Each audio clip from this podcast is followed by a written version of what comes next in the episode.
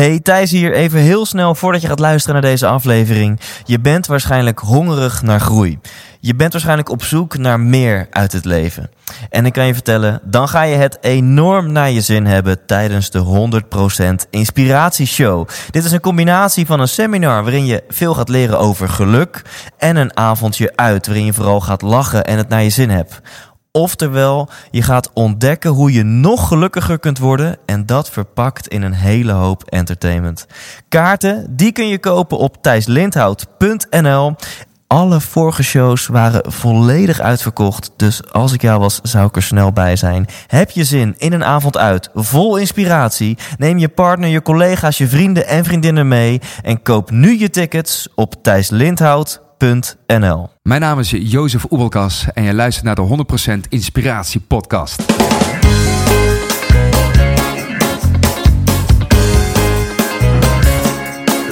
Hey, wat goed dat je luistert. Hij staat weer voor je klaar. Je wekelijkse dosis inspiratie is weer daar.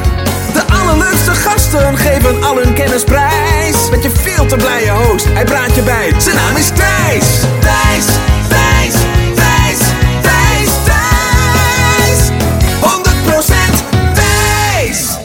Welkom bij aflevering Intens 92. En in deze aflevering interview ik voor jou Jozef Oebelkas.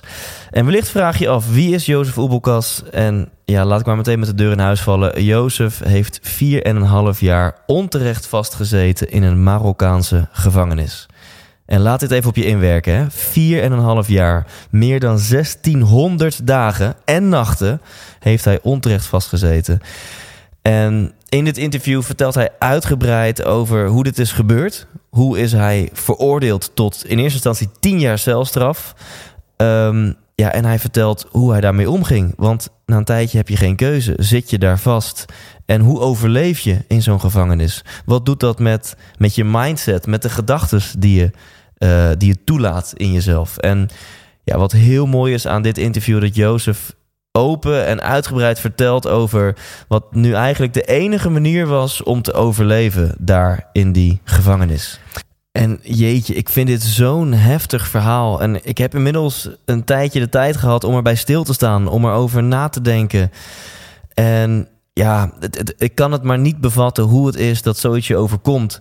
Ehm, wat ik wel kan doen, en ik hoop dat jij dat ook gaat doen komend uur, is, is ja, geïnspireerd raken door de manier waar, eh, waarop Jozef met deze gebeurtenis is omgegaan. En vooral wat hij hierna met zijn leven heeft gedaan. Want Jozef heeft inmiddels twee boeken geschreven. En hij is op dit moment een van de meest gevraagde sprekers van Nederland. En wat is dan de nummer één boodschap van Jozef? Wat is na alles wat hij heeft meegemaakt nou het nummer één inzicht dat hij wil meegeven aan deze wereld? Ja, daar ga je achter komen in dit interview. Ik bedank sportspeakers.nl en despreker.nl, waar zowel Jozef als ik zijn te boeken als spreker. En voor nu, ga genieten van het indrukwekkende verhaal van Jozef Oebelkas. 100% Thijs. Ik eh, zit hier in het zonnige Vianen. Het lijkt alsof hier altijd de zon schijnt. En, Ja, eh, meegenomen voor je. Sowieso bedankt aan Jeroen Wind van Impact voor het uitlenen van zijn kantoor voor dit interview.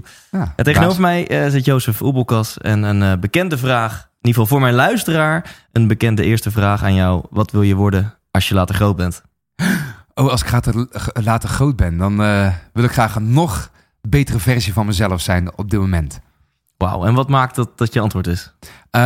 Omdat ik, ja, omdat mijn leven er nu zo prachtig en mooi uitziet, ziet, dat ik echt eh, het idee heb dat het gewoon niet mooier kan worden. En, eh, en als het mooier zou worden en beter, dan, eh, ja, ja, dan kan het alleen maar Ja. nog maar Ja, beter en mooier worden. En, en kan je daar misschien iets op, op doorgaan van wat, hoe zou het leven nog mooier kunnen worden? Of hoe zou jij een nog mooiere versie van jezelf kunnen worden? Ehm, ja, goed. Ik sta natuurlijk iedere week te spreken hier in, in Nederland en af en toe ook buiten Nederland. Ehm, ja, en dan mag ik gewoon mijn verhaal delen. Ehm, hoe mooi zou het zijn als ik dat ja, enthousiasme eh, zou kunnen blijven volhouden, zolang als ik kan. Dus dat is wel een voorwaarde, dat ik dus er zelf ook blij van word. En eh, dat de mensen die tegenover me zitten er blij van worden. Ja. En als ik dat naar een nog hoger niveau kan tillen, dus zij het internationaal, Amerika, noem het maar op, om zo nog meer mensen te bereiken, ja, dat is eh, ja, dan de next level, zo gezegd. En hier gaan we zo meteen gaan we het hier uitgebreid over hebben. Maar om toch alvast een klein voorproefje dan eh, de- aan de luisteraars te geven. Dit is echt jouw missie geworden. Hè? Om mensen, om jouw verhaal te delen, om mensen te inspireren. En eh, het, is niet, het is niet makkelijk. Het is hard werken. Weet je, veel Mhm. on the road, wat je net al zei. Ja. Dus veel uren maken, veel niet thuis zijn. Dus je moet er best ook wat voor, voor, voor laten. Dus mijn vraag is, wat, wat maakt het dat jouw missie is? Wat maakt het dat, dat jij zo gemotiveerd bent om jouw verhaal te delen? Ehm, ja, ik ben natuurlijk in het vak gerold, hè. En eh, als zijn, hè, toen mijn boeken uitkwamen, dat je, dan word je gevraagd, goh, kun je verhaal delen daar en daar. En ik wist helemaal niet, ja, spreken, wat moet je dan doen? Maar goed, uiteindelijk ben ik erachter gekomen dat ik gewoon, eh, ja, eh, mezelf kan en mag zijn op het podium, met alle ervaringen die ik heb meegemaakt. En ehm, ja, het aller, allermooiste, de grootste motivatie is dat ik gewoon op het podium sta, mezelf te zijn. En dat mensen, of het nou jongeren, kinderen, of nou ouderen zijn, maakt allemaal niet uit. Want als ze naar me toe komen en gewoon zeggen, goh, dankjewel man. Dankjewel Jozef, eh, je helpt me echt. En, en is jouw missie dan meer je verhaal delen? En het maakt niet uit op welke manier. Dat het ook prima kan via een vlog of via eh, een, een, een, een boek. Of wil je toch ook echt wel je verhaal delen op het podium? Dat je ook dat, dat podium eigenlijk fantastisch vindt. Ja, ja, dat Ja. podium vind ik fantastisch. Dus vlog, ik heb erover nagedacht, maar dat vind ik heel ja, eenrichtingsverkeer. En natuurlijk is dat met een boek ook, hè, want dan, dan praat ik in mijn boek. En dan, eh, ja, dat, dat is dan de interactie. Ja. Ehm, maar ik vind op het podium staan gewoon het allermooiste. Dat maakt ook iedere keer anders. Andere omgeving, ambiance, energie, ander publiek. Ja. ja, dat blijft gewoon zo gaaf en mooi. Iedere keer weer. Tof. Nou, en ik hoor nu mijn luisteraar denken van... Nou, we hebben het over zijn verhaal en hij spreekt veel. Nou, waarover dan? Laten we het eens over jouw levensverhaal hebben. Eh, want jij bent 37 lentes jong. Dus eh, Ja. geboren in 1980, zeg ja, goed? dus ja. ik ben bijna 38 in september. En ehm, jij was in eerste instantie hard onderweg om eh, ICT-nerd te worden. Mag Nou, nou, ho, ho, dat was ik al. Ik, was een dikke vet ICT-nerd gewoon. ver- vertel er eens wat over. Ja, gewoon, weet je eh, heerlijke jeugd, geboren, getogen, Brabant, Raamsdonksfeer, basisschool. Weet je wel, leuke vriendjes. Ik hoop altijd dat iedereen zo'n jeugd heeft gehad. Ik ga naar de HAVO, 16 jaar, naar het HBO. Ik heb hogere informatica gestudeerd. Nou, ergo, ik word ICT-nerd, start mijn eigen ICT-onderneming. Ik was gewoon een hele jonge ondernemer. Het, ja, weet je wel, ondernemersbloed kruipen niet gaan kan. Kun je Ja. alles over meepraten.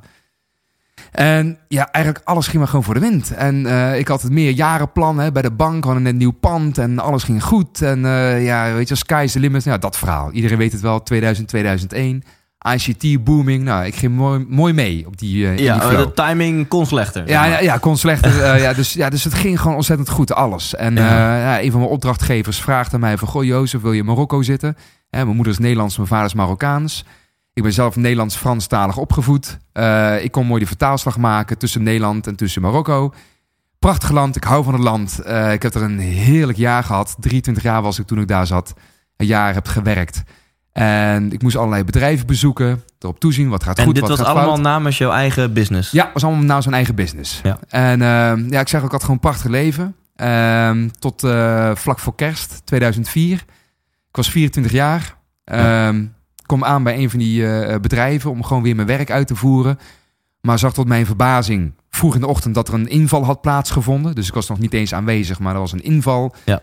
Door eh, de douane met allemaal pistolen, shotguns, noem het maar op. Wauw. En je was inmiddels al een jaar in Marokko. Ja, ja, ja, dus ik zat daar, maar ik vloog wel op en neer. Hè. Dus ik Ja. zat er een week in de maand, zat ik daar. En dan kwam ik terug in Nederland, zat ik hier voor mijn cliënten, hier in Nederland. Ehm, dus ik vloog steeds op en neer. En dit was ook een week vlak voor kerst. En ja, goed, ik wil mijn werkzaamheden weer uitvoeren. Eh, zie dat eh, dus die inval had plaatsgevonden bij het bedrijf dat gelieerd was aan mijn opdrachtgever. Maar ja, ik was de ogen van het bedrijf. Ik stap eh, dus uit, loop naar de poort toe van het bedrijf om te vragen eh, wat er aan de hand was, want dat wilde ik gewoon weten. Ja. En eh, ja, ik sta er te zwaaien en te zwaaien als 24-jarige manneke. En uiteindelijk komt er een man met een shotgun in zijn handen naar me toe gelopen. Vraagt mij, wat zwaai je hier? Wat moet je hier? Wat doe je hier? En ik zeg in het Frans, ja, mijn naam is Joseph. Ik kom uit Nederland. Ik ben hier voor mijn werk en ik wil weten wat er aan de hand is. Ja, mo- mo- mocht ik meekomen? Niet wetende dat eh, dat de eerste stap was richting mijn nachtmerrie. Wauw.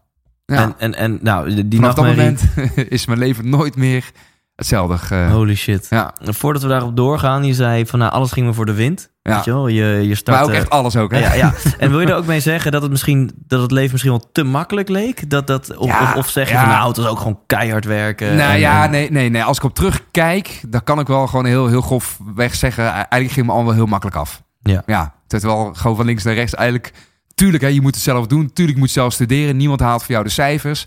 Eh, niemand zorgt voor jou de klanten, je eigen bedrijf. Daar kun je ook allemaal over meepraten. Maar het ging me gewoon heel goed af, omdat ik er gewoon heel veel plezier in had.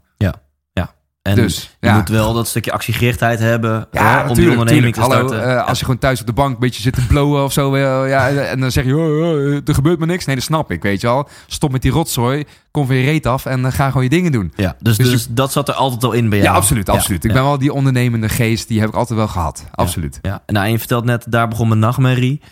Eh, Ja. ja. misschien, eh, dat zou heel fijn zijn, eh, misschien niet voor jou om over te praten, dan moet je het ook eerlijk zeggen. Maar kan je ons eens meenemen in die nachtmerrie? Wat, wat gebeurde er?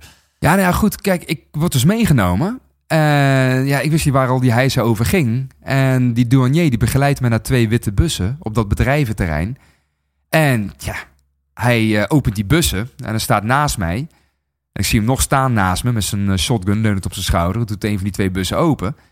En ik kijk en ik zie er allemaal bruine plastic pakketjes in die bus zitten. Helemaal vol. En ik kijk en ik kijk nog naar die douanier. En ik kijk weer terug en ik zeg nog letterlijk zo, dat is, eh, dat is aardig wat. Waarop hij antwoordde, ja, dat is inderdaad aardig wat. Dat is bijna 8000 kilo eh, drugs, hash, wat ze daar hadden gevonden. Want de andere busje zat ook helemaal vol. Dus ik zei, nou jeetje, eh, dat is aardig wat. en nu, wat gaat er nu gebeuren? Nou, de politie kwam eraan, die waren ter plekke, horen dat ik uit Nederland kom, vragen om mijn paspoort of ik even mee wil naar het bureau. Ja, ik ga wel mee voor ondervraging, want ja, weet je wel. Ja, op dat wel- moment denk jij, nou, ik ben gewoon de ideale getuige. Nou, ik doe dat, netjes met mijn dat. plicht. Precies dat. Ja. Dus ik ga mee op alle vragen die mij werden gesteld. Gaf ik zo goed mogelijk antwoord, want dan kunnen ze meer doen. Was mijn optiek, mijn veronderstelling. Maar eh, na die lange dag van ondervraging eh, werd me toch eh, vriendelijk verzocht om een schoenveters uit te doen. En mijn broekriem, want ik moest hier blijven. En ik zeg nog, moet hij blijven? Ja, want ik vind het toch wel verdacht dat er zoveel stempels heeft in uw paspoort. Ja, toen zei ik nog, ja, maar ja, zoveel stempels, dat kan kloppen. Want ik reis veel voor mijn werk en al mijn collega's hebben veel stempels. En we zitten over de hele wereld. Ja, Dus ik had ja, weet je wel, eh, boeiend. Dat was hun argument. was hun argument. Dus je hele verhaal was, gewoon- was solide, maar ze zeiden, nou, maar die stempels in je Ja, paspoort. Dat. Ja. Maar goed, en heb dus geen keuze, hè, want je moet dus gewoon daar blijven. Dus ik moest naar die cel toe. Eh, geen bed, geen dekens, gewoon betonnen vloer. Eh, daar stond ik dan. Langste nacht van mijn leven. Ik had geen oog dicht gedaan. Maar ja, ze zeiden tegen mij, oh, maak je maar geen zorgen, hè, want eh, het gebeurde op een donderdag. 23 december 2004, vlak voor kerst. Dus ik zou vrijdag 24 december zou ik gewoon naar huis gaan, vertelden ze me. Maar ja, die vrijdag mijn vliegtuig was al lang vertrokken. En ik ging nog niet naar huis. En ik ging die zaterdag eerste kerstdag niet naar huis. En zondag tweede kerstdag niet. Ik moest toen even naar de gevangenis toe. Maar werd mij iedere keer verteld, maak je maar geen zorgen. Het is gewoon even procedure. Dan kom je nou morgen op maandag op het tribunaal. En dan word je gewoon verteld, weet je, dat, dat je naar huis mag. Komt goed. Maar ja, het was allemaal hoog Arabisch. Wat er ook allemaal werd verteld op het tribunaal. En ik zag die rechter wel, maar wat hij zei, ik snapte het niet. Het enige wat ik wel weet is dat ik weer terug moest naar de gevangenis. Dus, dus je werd eh, berecht, ik weet niet of het zo heet, maar je, je, je zat in de rechtszaal terwijl je zelf eigenlijk had geen advocaat, je wist niet waar het over ging, Nee. je kon de taal niet goed spreken. Ja, nou dat. Dus ik dacht van ja, maar goed, maar het komt wel goed. Want je gaat er ook vanuit, ja, als jou wordt verteld door de politie en zo, het komt wel goed. Ja, dan gaat er ook gewoon van, ja. Ja. tuurlijk komt het goed. Want ja, ik weet dat ik gewoon naar huis moet, weet je wel. Ja. Maar uiteindelijk eh, werd, was ineens een zaak. Toen kwam er inderdaad wel ineens een advocaat om, eh, om- de hoek kijken via mijn opdrachtgever. Dus, eh, en dat werd ineens uitgesteld. Uitgesteld? Maar wa- waarom uitgesteld? Ik, ik, ik moet hier gewoon weg, man. Maar het werd uitgesteld en uitgesteld. En ja, nogmaals, wat er allemaal precies werd gezegd. Het is eigenlijk allemaal een soort van waas geworden. Want ik werd overgeplaatst van gevangenis naar tribunaal. En heen en terug. En ja, ik weet nog goed dat een aantal maanden later al... dat eh, mij het vonnis werd opgelegd van eh tien jaar celstraf. Wauw. Maar en, en nu stap je heel snel overheen. Zeg je Ja. een paar maanden later. Hoe, hoe zat het in die paar maanden met informatievoorziening naar jou toe? En kon je bellen met Nederland, met je familie, met advocaten, met, met de overheid? Nou ja, je kon er wel mee bellen. Eh, familie mocht ook langskomen. maar goed, iedereen had er ook gewoon het vertrouwen in dat het gewoon goed zou komen. Het werd ook constant gezegd. Komt goed, komt goed. Dus in die paar maanden heb ik inderdaad fa- familie ontvangen. De advocaat is langs geweest. Ze hebben gekeken naar de zaak. Ze zeiden ook letterlijk, joh, er is, ja, ze hebben geen poot om op te staan. Sterker nog, eh, we hebben hier naam, adres, telefoonnummer. Alles van de eigenaar van die man eh, ja, die dus die 8000 kilo drugs daar heeft neergezet. En de vingerafdrukken van die busjes. Dus ja, we weten gewoon wie het is. Dus Ja. eh daar wordt echt wel achter, achteraan gegaan. En dat zei jouw advocaat zo van: dit, Ja. is, dit is een ijzersterke Ja, zaak. ja, precies, Jij bent onschuldig en, en dat blijkt uit alle stukken. Ja, dat. En wat de fuck gebeurt er dan in die, in die rechtszaal? Er wordt er gewoon een hele dikke vinger naar je opgestoken. En er wordt gezegd, wij vinden jou gewoon schuldig. Tien jaar celstraf op sodomieten. Dat. En, en die vinger wordt opgestoken door de rechter. ja, Of, natuurlijk figuurlijk eh, gezien, hè? ja, nee, Ja, dat snap ja. ik. Ja, ja, dat. Eh, dat. De, de, de- dus er ligt keihard bewijs Mhm. door jouw advocaat dat jij onschuldig bent. Sterker nog, er ligt keihard bewijs wie de werkelijke schuldige Ja. is. En de rechter spreekt uit, Jozef, tien jaar celstraf. celstraf. Dat. En, en hebben ze daar nog een systeem dat je een hoger beroep kan gaan of iets Ja. dergelijks? En er werden alle fouten toegegeven. Sterker nog, er stond zwart op wit in mijn vonnis dat ik eh, 22 inreisstempels had tegenover 17 uitreisstempels. Want als je Marokko binnengaat, krijg je een stempel als je binnenkomt en een stempel als je weer weggaat. Ik had er dus blijkbaar 22 tegenover 17. Staat zwart op wit in mijn vonnis. Dus ze zei de rechter ook van... hé, hey, jij hebt ontbrekende uitreisstempels. Dus dat is voor ons bewijs dat jij niet altijd via de rechter naar huis... of eh, via de douane naar huis bent gegaan. Ja. Mijn paspoort, het is nagekeken, nageteld door allerlei mensen bij de ministeries hier in Den Haag, door Jeroen Pauw, door allerlei journalisten, noem het maar op. En allemaal zeiden ze van, goh, maar je hebt 11 inreisstempels. 11 inreisstempels tegenover 10 uitreisstempels. Dat klopt, precies. Ja, dus hoe komen ze op dat aantal? Ik zei ook tegen iedereen, geen idee. Ze hebben gewoon wat neergekalkt. Blijkbaar heb ik er op een of andere manier ja, moeten zitten of zo. Ik weet het nog steeds niet. Jeetje, en wat, wat gebeurt er met jou op dat moment? Dat rechter Ja. hamertje tien jaar, Jozef. Daar ga je. Wat, wat gebeurt er met je? Ja. Ik krijg zo vaak de vraag van hier vooral in Nederland, dat kan toch niet zomaar? En dan zeg ik altijd, ja, blijkbaar wel. Het kan blijkbaar wel zomaar. Niet alleen in Marokko, want ik ga Marokko niet zwart maken. Want ik hou van het land. Dit kan in heel Afrika, Zuid-Amerika, Midden-Amerika, Azië, noem het maar op. Ehm, maar het is zo'n bizar ongeloof. En als jou wordt verteld, weet je wel, je gaat naar huis over tien jaar. Dat kun je gewoon niet voorstellen. Dus het is hetzelfde als dat jij hebt plannen, ik heb plannen, jouw luisteraars hier, die hebben allemaal plannen. Want we gaan vanavond dingen doen, het Ja. wordt lekker weer, we gaan barbecuen. Eh, zakelijk heb je plannen, je hebt altijd plannen. En nou wordt jou zo meteen verteld, je gaat mee en je komt pas terug in 2028. Je mag geen afscheid nemen, niet van je vrouw, vrienden, kinderen, noem het maar op. Je gaat nu meteen mee, je komt pas terug in 2028. En dat gaat gebeuren. Ja, dat is voor je hersenen zo'n te grote stap. Wat er bij mij gebeurde is dat er letterlijk een soort van kortsluiting in mijn hersenen had plaatsgevonden. Ik begon te schoppen, te schreeuwen, te huilen. Het gevoel van onrecht, machteloosheid, frustratie, boosheid. Het gevoel wat we allemaal kennen. Ja, dat maal factor duizend. eh, Ja, zo intens dat ik zelfs niet meer weet dat de weken nadat ik dat vonnis had gehoord, hoe ik die weken heb doorleefd. Hoe ik heb geslapen, hoe ik heb gegeten, ben ik naar het toilet geweest, mezelf verzorgd. Ik weet het gewoon niet meer. Gewoon een zwart gat in mijn herinneringen. Wauw. Ik heb er denk ik als een soort van zombie rondgelopen. En Mensen hebben tegen me gepraat. Misschien, maar ik weet niet eens wat ze zeiden. Want ik, ik was gewoon weg. Gewoon van de aardbodem verdwenen. Qua geest. Ja, je brein kan het niet bevatten Kan het wat niet het bevatten. is. Tien jaar van je leven weg. Dat is te groot. Dus dat is te groot. Dat kan niet. één grote kortsluiting. Ja. Ja. Helemaal omdat het ook constant werd verteld. Het komt goed, het komt goed. Je gaat naar huis. Ja. Dus je bent er ook helemaal op ingesteld. Ik ga naar huis. En, en accepteerde je het wel? Of heb je, heel lange, een heb je lange periode gehad waarin je nog dacht... nee, maar ik ga een hoger beroep en het komt alsnog goed... en ik ga contact zoeken met Den Haag en, en Ja, ze zullen ja. me steunen... Ja, en eh, binnen twee maanden ben ik hier weg. Ja, die vechtlust die kwam nadat het vonnis werd vertaald en binnenkwam. En dat ik dus onder andere achter die bizarre fout van die paspoortstempels kwam. Ja. Dus dat gaf me een bepaald soort kracht. Dat ik echt gewoon was onderzoeken. Ja, maar jongens, wat is er nou echt, echt aan de hand? En dat ik tegenwoordig weet dat het tot en met de Russische maffia gaat. Eh, weet je want ze hadden alle gegevens van de echte dader. En het gaat om 8000 kilo. Hè? Je, praat, je praat over 27 miljoen euro aan straatwaarde. Kom ik daar als manneke van 24 aanzetten? Hallo, wat is er aan de hand? Ik wist het gewoon niet. Gekend. Dus die vechtlust die kwam. Jij las Ja. het vonnis, de vertaling. Je dacht, ja, fucking hell, wat, wat, Ja. wat, wat, wat, wat staat hier? En, en toen, die vechtlust heb je denk ik gebruikt... om, Ja. om, om, om, om, eh, misschien ook wel media-aandacht te zoeken. Was dit toen al landelijk nieuws in Nederland? Nee, het was nog geen la- landelijk nieuws, want het is niet interessant. Hè? Want ja, je zegt in de gevangenis te zitten, je zegt onschuldig te zijn. Eh, als iets nul waarde heeft, dan is het iemand die zegt onschuldig te zijn in de gevangenis. Want ja, waar rook is, is vuur. Ik krijg nog altijd iedere week mee te maken. Wie gaat je nou geloven? Ja. Dus ik krijg daar nog eens mee te maken. Ja. En, maar om uit die slachtofferrolpositie te kruipen, kwam dus die vechtlust. En had ik zoiets van, weet je wat? Ik weet dat ik goed zit. Ehm, iedereen die een beetje normaal naar dit vonnis kijkt, weet dat het gewoon één grote lariekoek is. En daarmee zijn we ook naar de ministeries van Buitenlandse Zaken en Justitie in Den Haag.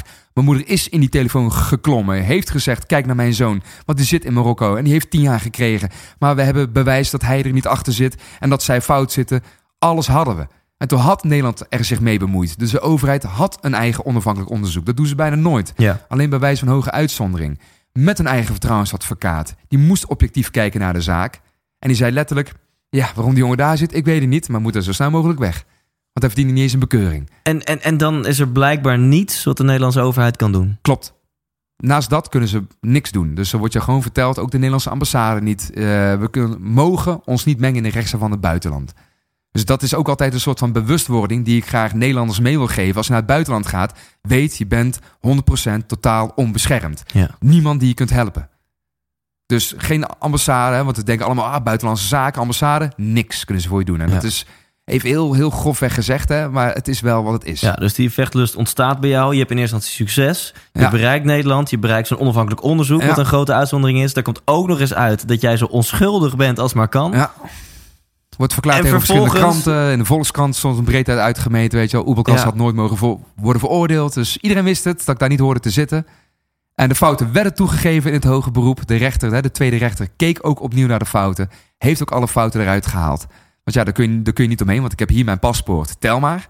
Ja. En dit is jullie vonnis. Eh, ik weet het niet hoor. Oh ja, ik krap dus even achter een oren. Dat is inderdaad wel stom geweest van ons. Weet je wat, we halen de fouten eruit. Maar die tien jaar, die laten wij lekker staan. Ja, dus jouw grootste troef, weet je wel, die, die, die blijkt gewoon te werken. Van kijk eens, mijn, mijn eigen land, die, die, die, die got my back, zeg maar. Ja.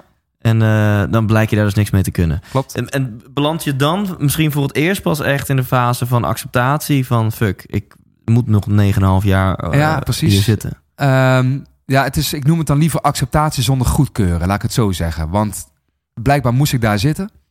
Ehm, werd het een scharniermoment, een keerpunt in mijn leven. 24 jaar oud. Ik wist, ik kom thuis wanneer ik 34 ben, blijkbaar. En ja, ik zeg al, zoveel beelden, geluiden van alles flitste er voorbij. En ik had echt zoiets van, hoe ga ik hierop reageren? Maar ik weet hoe het zit. En toen concludeerde ik ook bij mezelf, weet je wat? Ze kunnen mijn lichaam opsluiten, maar mijn geest zal zo vrij als een vogel. Komen ze gewoon niet aan. Er, was zo'n, er werd zo'n vastberadenheid. Maar ja, dat betekent niet dat je dan... Hè, want ik moest al die machteloosheid, frustratie, boosheid... het gevoel Ja, van onrecht, ja. moest ik zien te kanaliseren. Want anders ga je eraan onderdoor. Hè, Ja. Als je dat de overhand laat krijgen.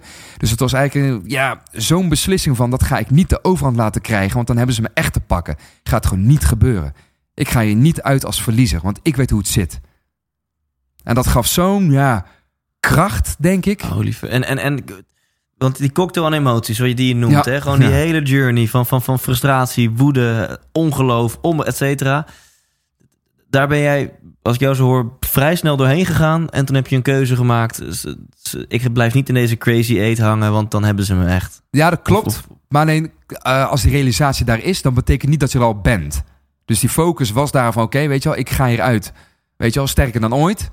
Maar dat betekent niet dat dan vanaf dat moment dat het een stijgende lijn wordt. Dan begint het proces. wakker- ja, nee, precies. ja. Dan begint het proces pas. Dus toen begon het proces van het echte gevangenisleven pas.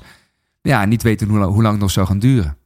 Ja, met, met de Ja, focus tien op, op tien jaar. Ja, Ja, precies. precies. Ja. En, en hoe ging dat proces? Kun je daar eens over vertellen? Ja, echt stapje voor stapje. Ik wist toen van, weet je wat, ik zit hier nou en wat kan ik er nu mee doen? Maar dat gaat met vallen en opstaan. Dat gaat met perioden van verdriet en dat je s'nachts in die rotzooi van die cellen wakker wordt.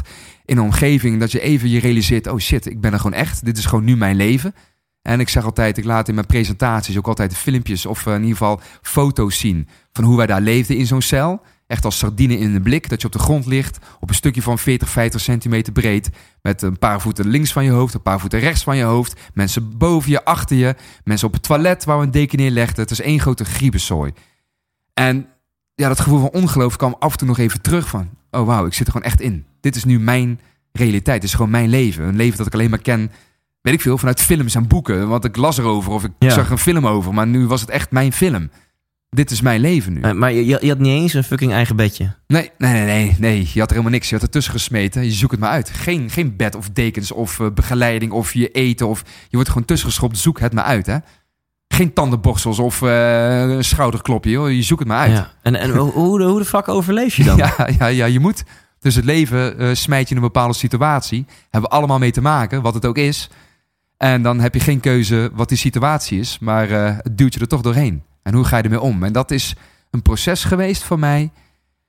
Stapje voor stapje. Dus er zijn weken voorbij gegaan dat ik het ook even niet wist. Je moet helemaal je leven opnieuw opbouwen. Ik ging uiteindelijk ook beginnen maar met hun taal te leren. Weet je wat? Ik ga communiceren met die jongens bij mij in de cel. Ik sprak geen woord Marokkaans-Arabisch. Ik ben Nederlands-Franstalig opgevoed.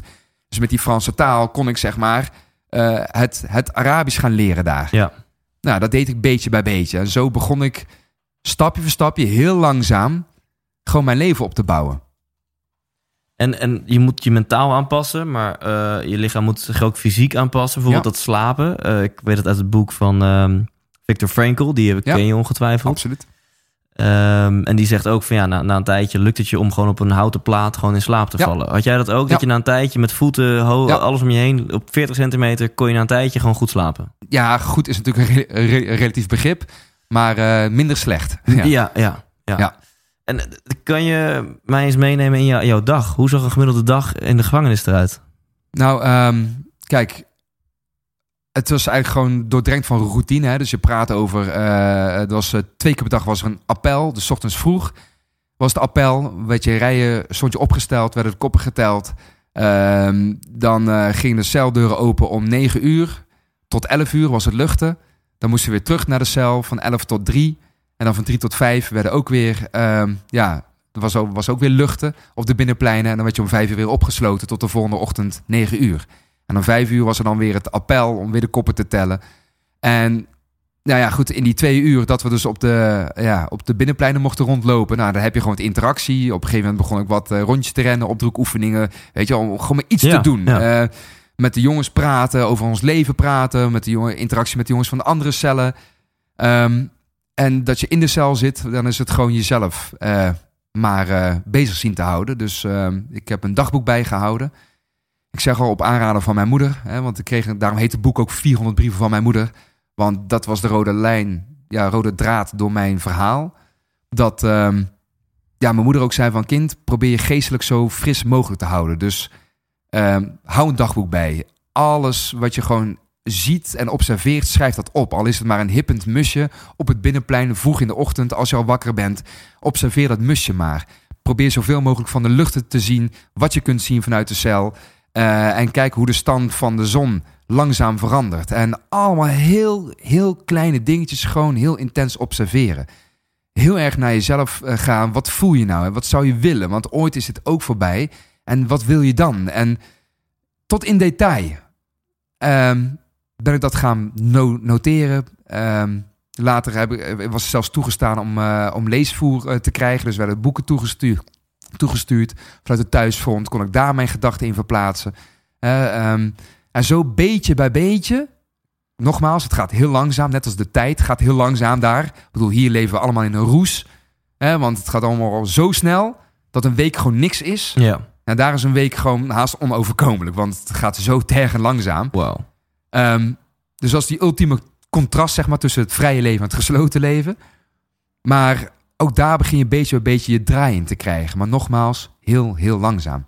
Ja, en je, kreeg, je kon dus in elk geval wel, je had wel pen en papier, je mocht ja. schrijven en later ja. kreeg je ook boeken. Ja. En je zei vanaf vijf uur, hè, dan was het, uh, ja, was het uh, voorbij met het luchten en dan moest je je cel in tot de volgende ochtend. Ja. En dan zat je dan dus in een cel met tig andere mensen. Ja. En, en als je wilde schrijven, dan moest je maar in een hoekje staan. Ja. En uh, het is niet zo dat je naar een, een bureautje had en dat je even aan kon zitten. Nee, in de het was gewoon, verte niet. nee, het was gewoon om mijn schoot. Inderdaad in een hoekje. Heel krap, maar uh, dat was wel mijn hoekje, zo gezegd. Ja. En, en nou, alles is relatief, dat, dat zegt natuurlijk heel terecht. Hè? Je kon relatief goed slapen of minder slecht.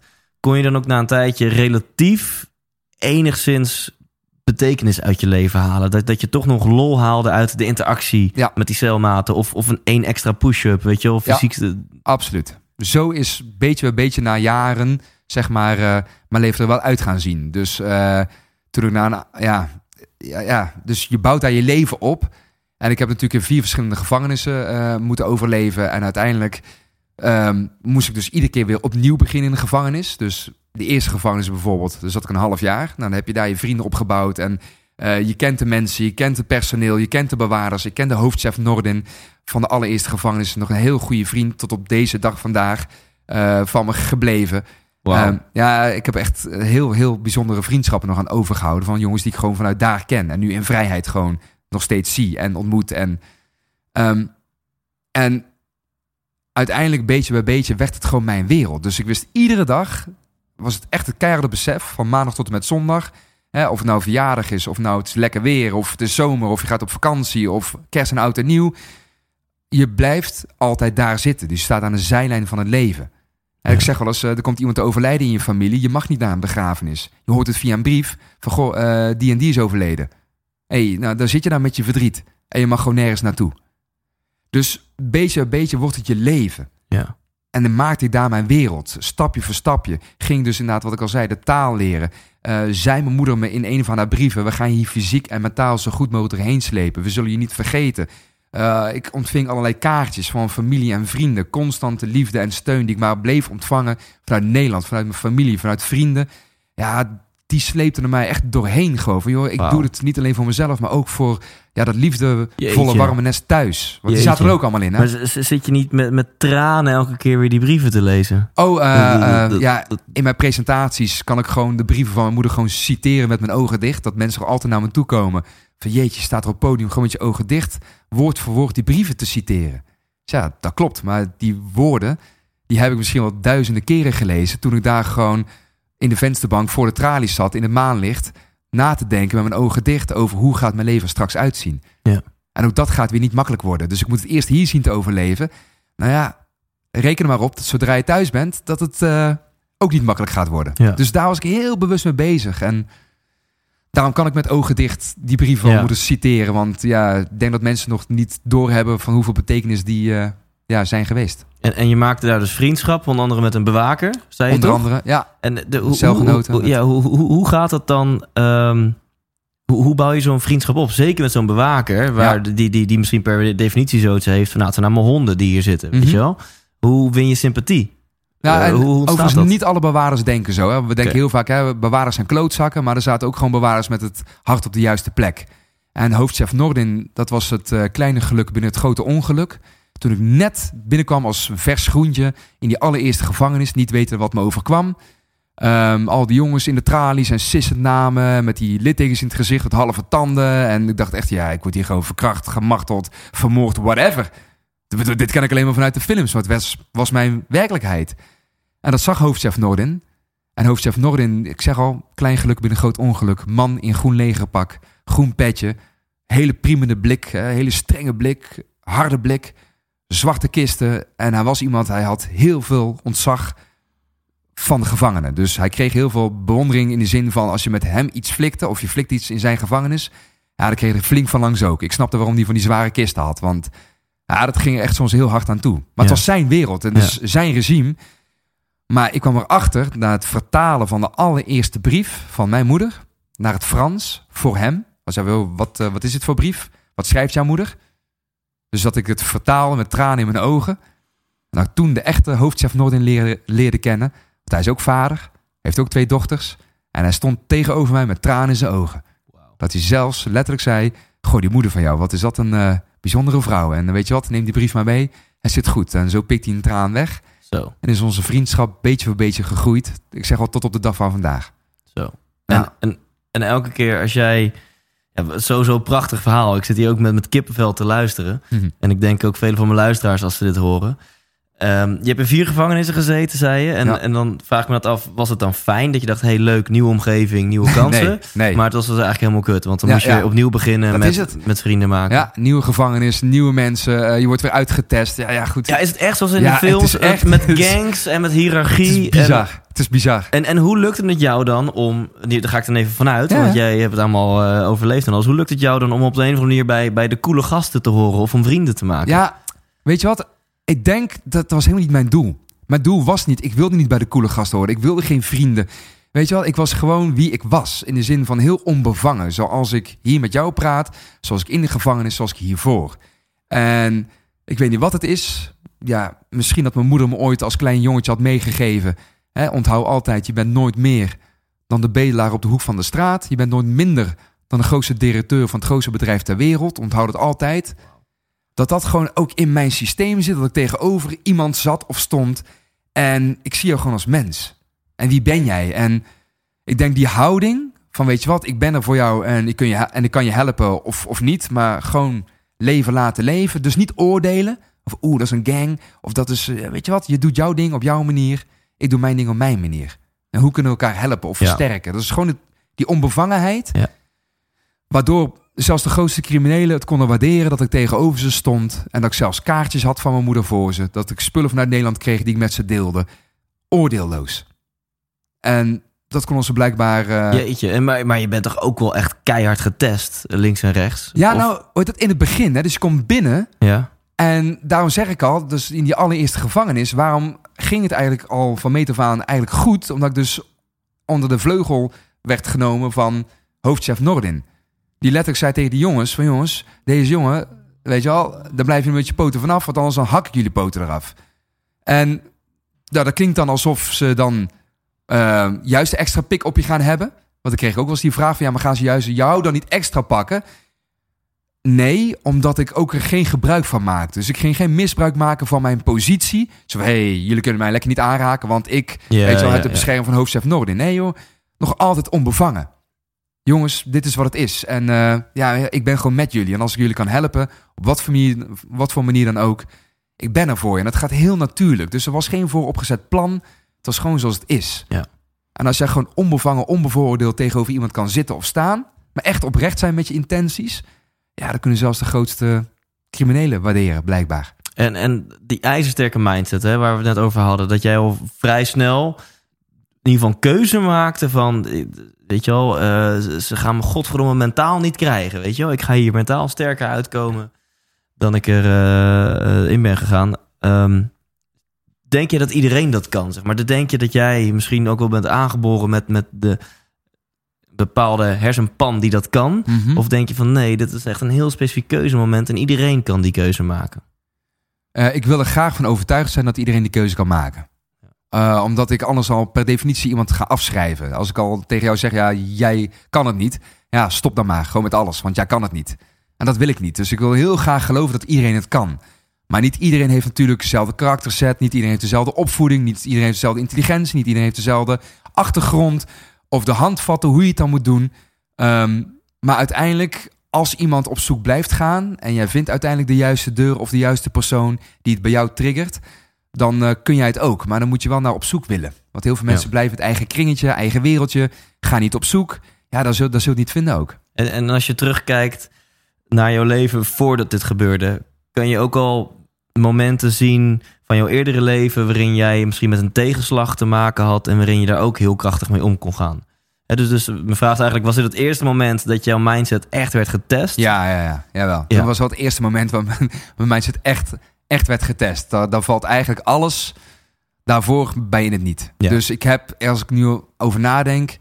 eigenlijk ja, niet veel tegenslag meegemaakt. Nee, En dan, en dan deze. gewoon goed leven. Jeetje. Ja. En nu, ehm, ja, ik wil zo meteen nog veel meer hebben over de, de, ja, de, de, de lessen en, en wat je ook nu misschien al vertelt in je lezing. Ik ben heel benieuwd wat, wat misschien jouw, jouw grootste wijsheden, zeg maar, en lessen zijn.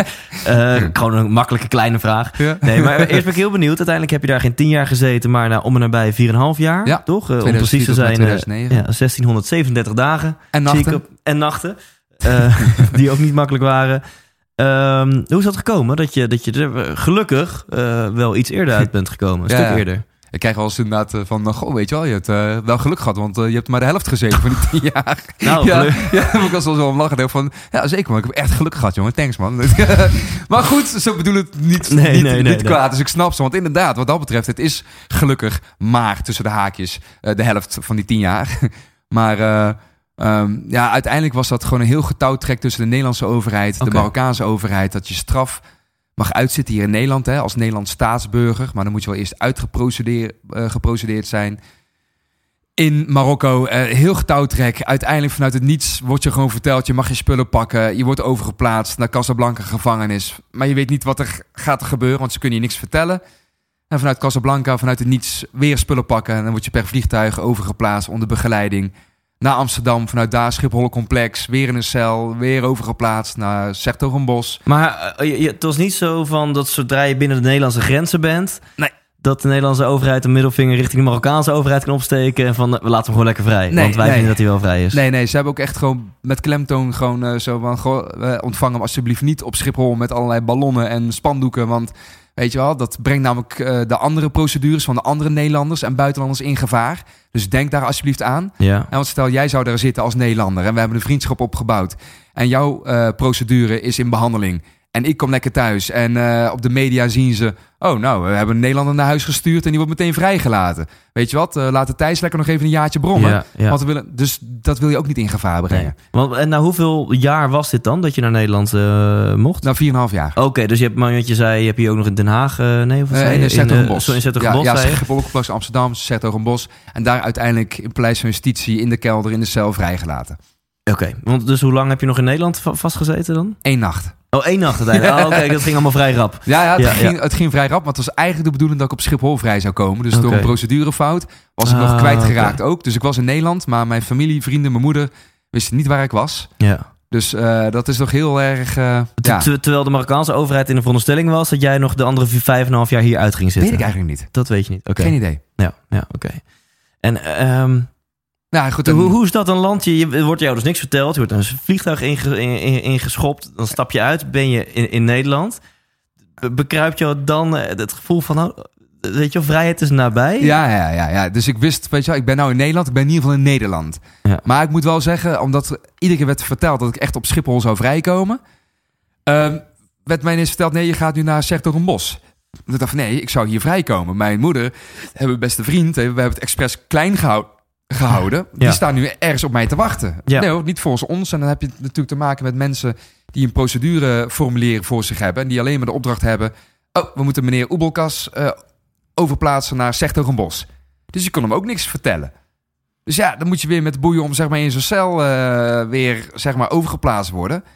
En je weet niet wat er gaat gebeuren. En dat was Ja. wel heel vervelend. Maar ik was in ieder geval in Nederland. Maar goed, je weet het niet totdat je over het vertelt. Dus ik zat er wel een nacht. En heel veel mensen denken ook van, ah, het- was maar één nacht. Nou, ik heb die nacht geen ogen dicht gedaan. Nee, die, Want je die- weet gewoon niet wat er gaat gebeuren. Dus die Ja. ene nacht, eh, die duurt ook best wel lang, zeg Zo. maar. En dan dat moment dat je Ja, vrij wordt gelaten. Kun je eens heel specifiek vertellen hoe, hoe gaat vrijlaten? Weet je, dat Nou je ja, dat, nee, dat je, Ik werd dus Sorry? overgeplaatst dus naar een cel. Ja. Eh, uiteindelijk is Sertogenbos, Paleis van Justitie, in de kelder, in een cel met een betonnen bankje, that's it. Nogmaals, dan duurt tijd langer dan... Ja, weet je, tijd is een heel raar, rekbaar begrip wat dat betreft. En, en ik zat daar en ik zat daar en ik zat daar. En dan, eh, ja goed, dan heb je de nacht overleefd. Dan ga je daar s ochtends naartoe en dan zit je daar maar. En je weet gewoon niet wat er gaat gebeuren. Totdat vanuit het niets, echt waar, vanuit het niets... gaat ineens die zwarte celdeur open. En dan stond daar een man in pak. Was blijkbaar de officier van justitie. Die staat letterlijk met een glimlach en een brief in zijn handen. Omhoog. En die zegt tegen mij, meneer Oebelkas, beste Jozef. En ik zeg ja. Hij zegt, ja, ik heb hier eh, goed nieuws voor u. Want ik heb namelijk het bevel van in vrijheidstelling. En ik zei nog, en wat betekent dat? Was ja, eh, en toen zei hij heel simpel, nou dat betekent, beste Jozef, eh, jij mag naar huis. Heel simpel, die vier woorden zei hij. Hij zei zelfs u, u mag naar huis. Zo simpel werd mij dat verteld. Maar ik kan je vertellen, ik snapte het nog niet. Want die handeling van de deur open doen en naar huis gaan, zo simpel is het. Maar dat was al die jaren gewoon niet mogelijk. En je mag niks, je mag geen telefoon in je broekzak, je mag geen portemonnee, je mag geen sleutel, je mag niks. Hè? Een wereld vol restricties. En dat je zomaar zo simpel vertelt, u mag naar huis. Dat ik ook letterlijk zei, oké. Dus ik mag nu gewoon gaan, gewoon weg, gewoon, je mag gewoon gaan. En zei, ja, dat klopt, je mag gewoon gaan. Oh, oké. En ik kreeg nog een schouderklopje. Ze zeiden nog, sorry dat het zo lang heeft moeten duren. Ehm, ik heb ook geen strafblad. Eh, dat vragen mensen vaak, weet je wel. Heb ik niet, want ze wisten dat ik daar niet hoorde te zitten. Ehm, ik heb ook geen schadevergoeding of uitkering, want dat vragen ze ook heel vaak. Heb je dan geen schadevergoeding gekregen of helemaal niks? En je mag dan naar huis en dan verlaat je dat, Cellencomplex. cellencomplex. ja, Ja, Paleis van Justitie, ja. Drinkt, begint dan tot je door te dringen. Wat, wat, eh, weet Ja, je hoe, hoe, zijn die, die eerste voetstapjes? Nou ja, Eh, Dat vind ik leuk dat je het vraagt, hè, want ik heb natuurlijk dat eerste boek geschreven, 400 brief van mijn moeder. Eh, niet weten dat nu volgende maand naar de 20ste druk gaat. En dat echt een bestseller. hartstikke, nu is allemaal leuk en aardig. En dat zoveel mensen het boek hadden gelezen. En dat ze precies wat jij vraagt, ja, maar dan kom je thuis. En dan? En daar begint precies het tweede boek. Dat begint, ik wist niet wat ik een tweede boek zou schrijven. Maar daar begint gewoon de dag van vrijlating. En nu? En dan kom je thuis en dan bouw je leven op. Hoe is dat dan weer? En ja, ik kan je vertellen, dat, ja, die eerste weken, dat is gewoon bizar. En sowieso die eerste dag is bizar. Ik werd opgehaald door mijn moeder en mijn beste maat. En dan word je gewoon opgehaald en dan zit je gewoon weer in de auto bij je moeder, bij je beste maat. En, en dat, dat moment dat je je moeder een Ja, knuffel geeft. Hoe, man. eh, de, wat, Ja, ja, tranen, emotie. Ineens mag je gewoon, zonder dat er, eh, weet je wel, bewaarders om je heen staan, mag je gewoon je moeder weer knuffelen. Gewoon in vrijheid gewoon. Gewoon naar de eerste omhelzing. Ja, dat was natuurlijk tranen. En, eh, en mijn maat Willem, weet je wel, die ken ik al sinds dat ik acht jaar oud ben. Die stond, ben, die stond om ons heen. Ja, dan is het gewoon even goed tranen. Het is gewoon, vast- het is gewoon echt voorbij. Het is gewoon voorbij. Het is gewoon voorbij. Het is gewoon voorbij. We mogen gewoon naar huis. en, en, en wat is het nummer één ding waar je dan naar verlangt? Zeg maar, wat, wat, wat nou, je... ja? kijk, je wilt eerst gewoon naar huis. Gewoon naar Ja. huis. Maar goed, eh, vergeet niet, in die periode is mijn moeder verhuisd. Het huis waar we, wat ik toen had verlaten, daar zou ik nooit meer naar terugkeren. Dus afgebroken. Ehm, mijn moeder is verhuisd naar een klein rijtjeshuis. Dus ik stond voor het rijtjeshuis. En niks mis met een rijtjeshuis. Maar mij zei het niks. Dus het is heel raar, want je zit ineens in een ander huis. En daar had ik een spiegel, een bed en een kast. En voor de rest heb je niks op je slaapkamer. Want alles is gewoon letterlijk van je afgenomen. Je hebt gewoon niks meer. Niks, niks, niks. Ja. En ik weet nog, het was natuurlijk die eerste dag een heel emotioneel weerzien met familie, met vrienden. Eh, dan komt die eerste nacht dat ik gewoon moest wennen om op een bed te slapen. Dat ik echt gewoon graag, ja, ik wilde gewoon mijn deken weer op de vloer leggen, want dat was ik gewend. Ik wilde op de vloer slapen, want ik raakte gewoon niet in slaap. Dus ik had echt mijn deken neergelegd. En ik had echt zoiets, nee, dit is gewoon onzin. Joh. Dit, is, dit is mijn leven. Ik moet gewoon weer in een normaal bed slapen. Dus ik moet maar er weer aan wennen. Nou ja, die nacht geslapen en ik werd nog wakker met de geur van de broodjes uit de oven van mijn moeder. En dat, ik werd dus wakker door die geur. En ik hoor mijn moeder neuren hier beneden. En ik dacht nog, dit is niet echt. Ik zit gewoon in een droom. ja. Ik zit nog altijd in die teringzooi daar zo. ja. Sorry voor het woord tering trouwens, Mhm. maar het is Ja. wat het is. En, maar dan komt die realisatie van, oh wacht, ik, ik ben gewoon thuis. Ik, ik ben gewoon echt thuis. En, en ja, toen sprong ik uit bed en toen kwam Willem ook al meteen, s ochtends vroeg. Die kwam en we hebben samen ontbeten. En Willem vroeg letterlijk aan mij, mijn beste maat dus, eh, wat wil je nou doen? En ik zei, ik wil naar de stad. En zijn we nog een andere paar maten naar de stad gegaan en gewoon door de mensen heen lopen. Ja. En dan liep ik daar en dan gingen we, oh, snackbar, weet je. Oh, ik wil gewoon, ik heb trek in een frietje satésaus. Maar eh, weet je wel, frietje oorlog met een kaassoufflé. En oh, Red Bull wil ik weer even wat drinken. Ja. Oh, sorry dat ik dat zeg, reclame. Maar ja, het was Nou, een blikje wat ik dronk. En, en, en, en s'avonds, wat wil je eten? Want je kunt kiezen. Ja, dat is goed, weet je wel. Laten we Chinees doen of misschien wel een pizza. Hoor. Dus ik heb van alles gegeten. En s'avonds later natuurlijk zo ziek als een hond. En s'nachts er overgegeven als een gek. Ja, echt serieus. ja, want je maag die is Ja, ja, was niet gewend, maar ik, overge ja, ik, ik was aan het overgeven. Maar echt met een grote glimlach Ja. op mijn gezicht. Want ik was gewoon weer thuis. Echt Jeetje. weer thuis. En dat is... Eh, ja, dat zijn een paar hele euforische weken geweest. Ja, Maar ook dat, gaat weer voorbij. Ja, ja, dat snap ik. Maar dan ben je gewoon even ben je gewoon een, echt een kind die, Ja, die in, in in, een- in, een droomwereld is Nou, dat. beland. Ja, van- ik zeg wel als, als in een hele grote, een heel groot pretpark. Dus de hele, het hele pretpark is voor jou alleen als kind. Er is niemand anders. En jij mag kiezen waar je als eerste in wil gaan. En je hebt de hele dag. En je weet gewoon van de gekkigheid niet. Ga ik naar de achtbaan? Of ga naar de droomvlucht? Of ga ik dit of wat? Ik weet het gewoon niet. Ja, Ja. on- ongekend. En we, moeten helaas over vijf minuten afronden. Want, want Oh. nou, eh, ja, jij snel. staat heel veel op, op de bühne. Eh, eh, meer dan 160 keer per jaar sta jij eh, een verhaal te houden. Wat echt super vet is dat, eh, Ja, super. dat, dat het doet en eh, dat je dat doet en dat je dat kan. Mooi brugje dan naar mijn volgende vraag. Wat, wat is. Wat, misschien is het een mogelijke vraag, maar wat is de grootste boodschap die jij dan in die lezingen, de bed- bedrijven, de mensen die je, die, die je in je zaal op mee wil geven? Ehm, ja, de grootste boodschap die ik gewoon eigenlijk iedereen, hè, of je nou, of nou op scholen staat voor Ja. jongeren, of nou Ja. voor ouderen, what- whatever, CEO's, bankiers, I don't care, want je bent een mens. Allemaal op zoek naar een stukje geluk en erkenning, denk ik. En wat ik heel graag mee wil geven aan iedereen, is dat jij werkelijk waar 100%, maar ook 100%, niet 99,9, maar 100% verantwoordelijk bent voor je eigen geluk. Dat wil ik meegeven. Ongeacht de situatie. En natuurlijk, ik heb beste vrienden van me die met ziekte nu te kampen hebben. En met verlies van geliefden. En tuurlijk, hè, hallo, verdriet hoort erbij. Hè? En een rouwproces, daar moet je ook doorheen. En dan ben je gewoon even op dat moment gewoon niet gelukkig. Punt. Maar uiteindelijk, het weer oppakken. Het leven dat je toch er doorheen duwt. Maar hoe ga, je het, hoe ga jij het weer invullen? Op een zo mooi mogelijke manier. En dat bepaal jij, 100%. En ja, ja dat wil ik, eh, dat gun ik Ja, mensen, laat ik het zo zeggen. En ik weet zeker dat jij met jouw verhaal heel veel mensen hoop en kracht geeft. Ja, Want weet je wel, als, als jij het kon in die situatie, dat geeft mensen hoop en kracht. Ja, want dan kan ik het ook in mijn situatie. nou, nou dat, dat hoop ik altijd wel. Want wat ik ga mezelf niet opwerpen als inspirerende spreker of whatever. Ik ben gewoon Jozef Oebelkas met een verhaal zoals we allemaal een verhaal hebben. Jij hebt een verhaal, luisteraars hebben. We hebben allemaal een boek. Ja.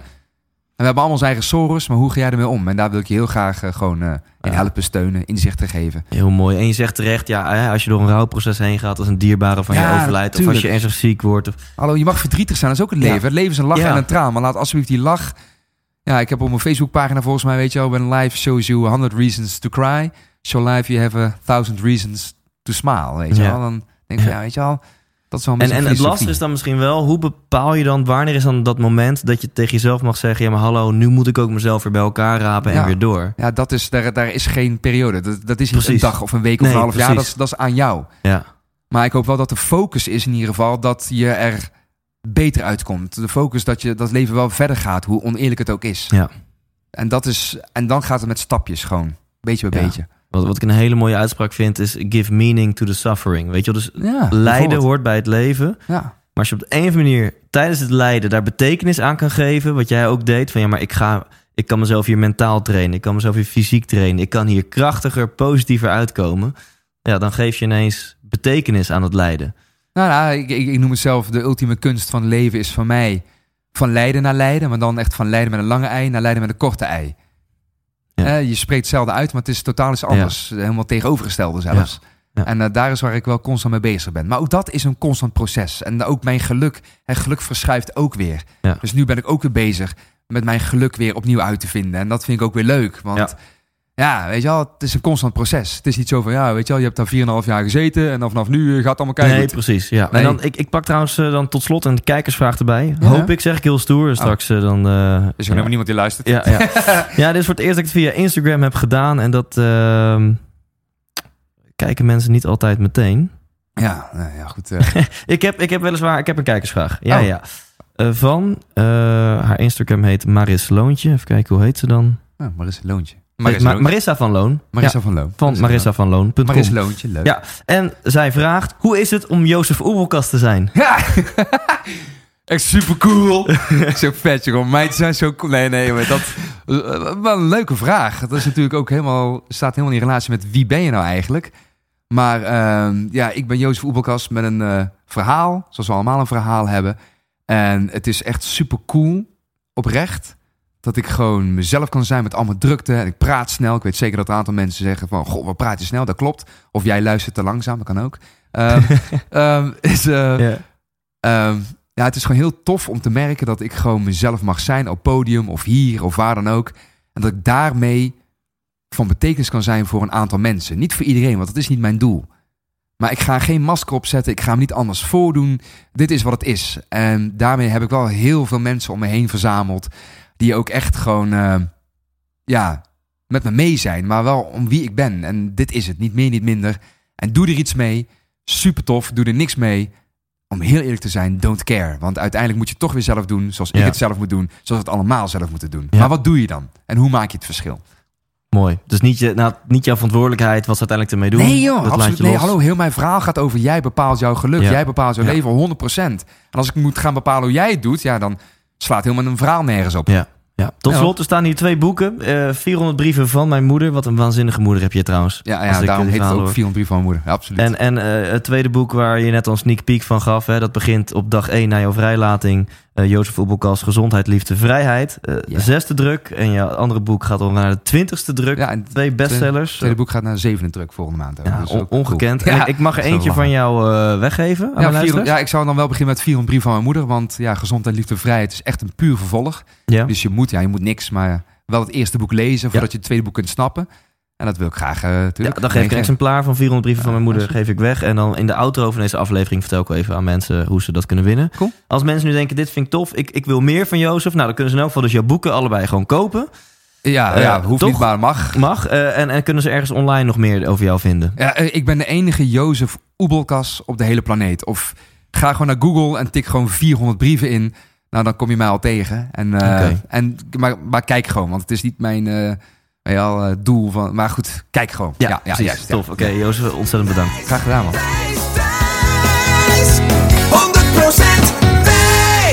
Yes, bedankt voor het luisteren naar aflevering Intens 92. En denk je nu, Thijs, dat boek, 400 brieven van mijn moeder, gesigneerd door Jozef en al, die wil ik winnen. Dan, ehm, ja, dan kun je daar kans op maken. En hoe doe je dat? Dat doe je door mijn e-book te downloaden op thijslindhout.com.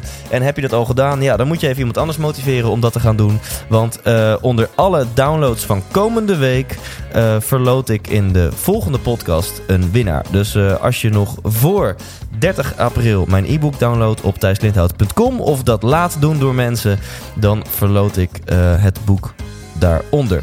En dat doe je dus door te gaan naar thijslindhout.com, scroll iets omlaag en daar vind je de tekst Wat hebben succesvolle Nederlanders gemeen? Klik op download nu en dan maak je en kans op dit boek van Jozef en Um, ja, krijg je gratis mijn e-book. Ik bedank nogmaals sportspeakers.nl en de spreker.nl. Zowel Jozef als ik zijn hier te boeken als spreker. Tot volgende week. Leef intens. Hey, wat leuk dat je hebt geluisterd naar deze aflevering. En als je het nog niet hebt gedaan, waar wacht je nog op? Ga nu naar thijslindhout.nl en koop je tickets voor de 100% Inspiratieshow. We gaan lachen, we gaan muziek maken en vooral gaan we samen op zoek naar geluk en succes. Neem je vrienden, je vriendinnen, je partner, je collega's mee. Koop nu je tickets op thijslindhout.nl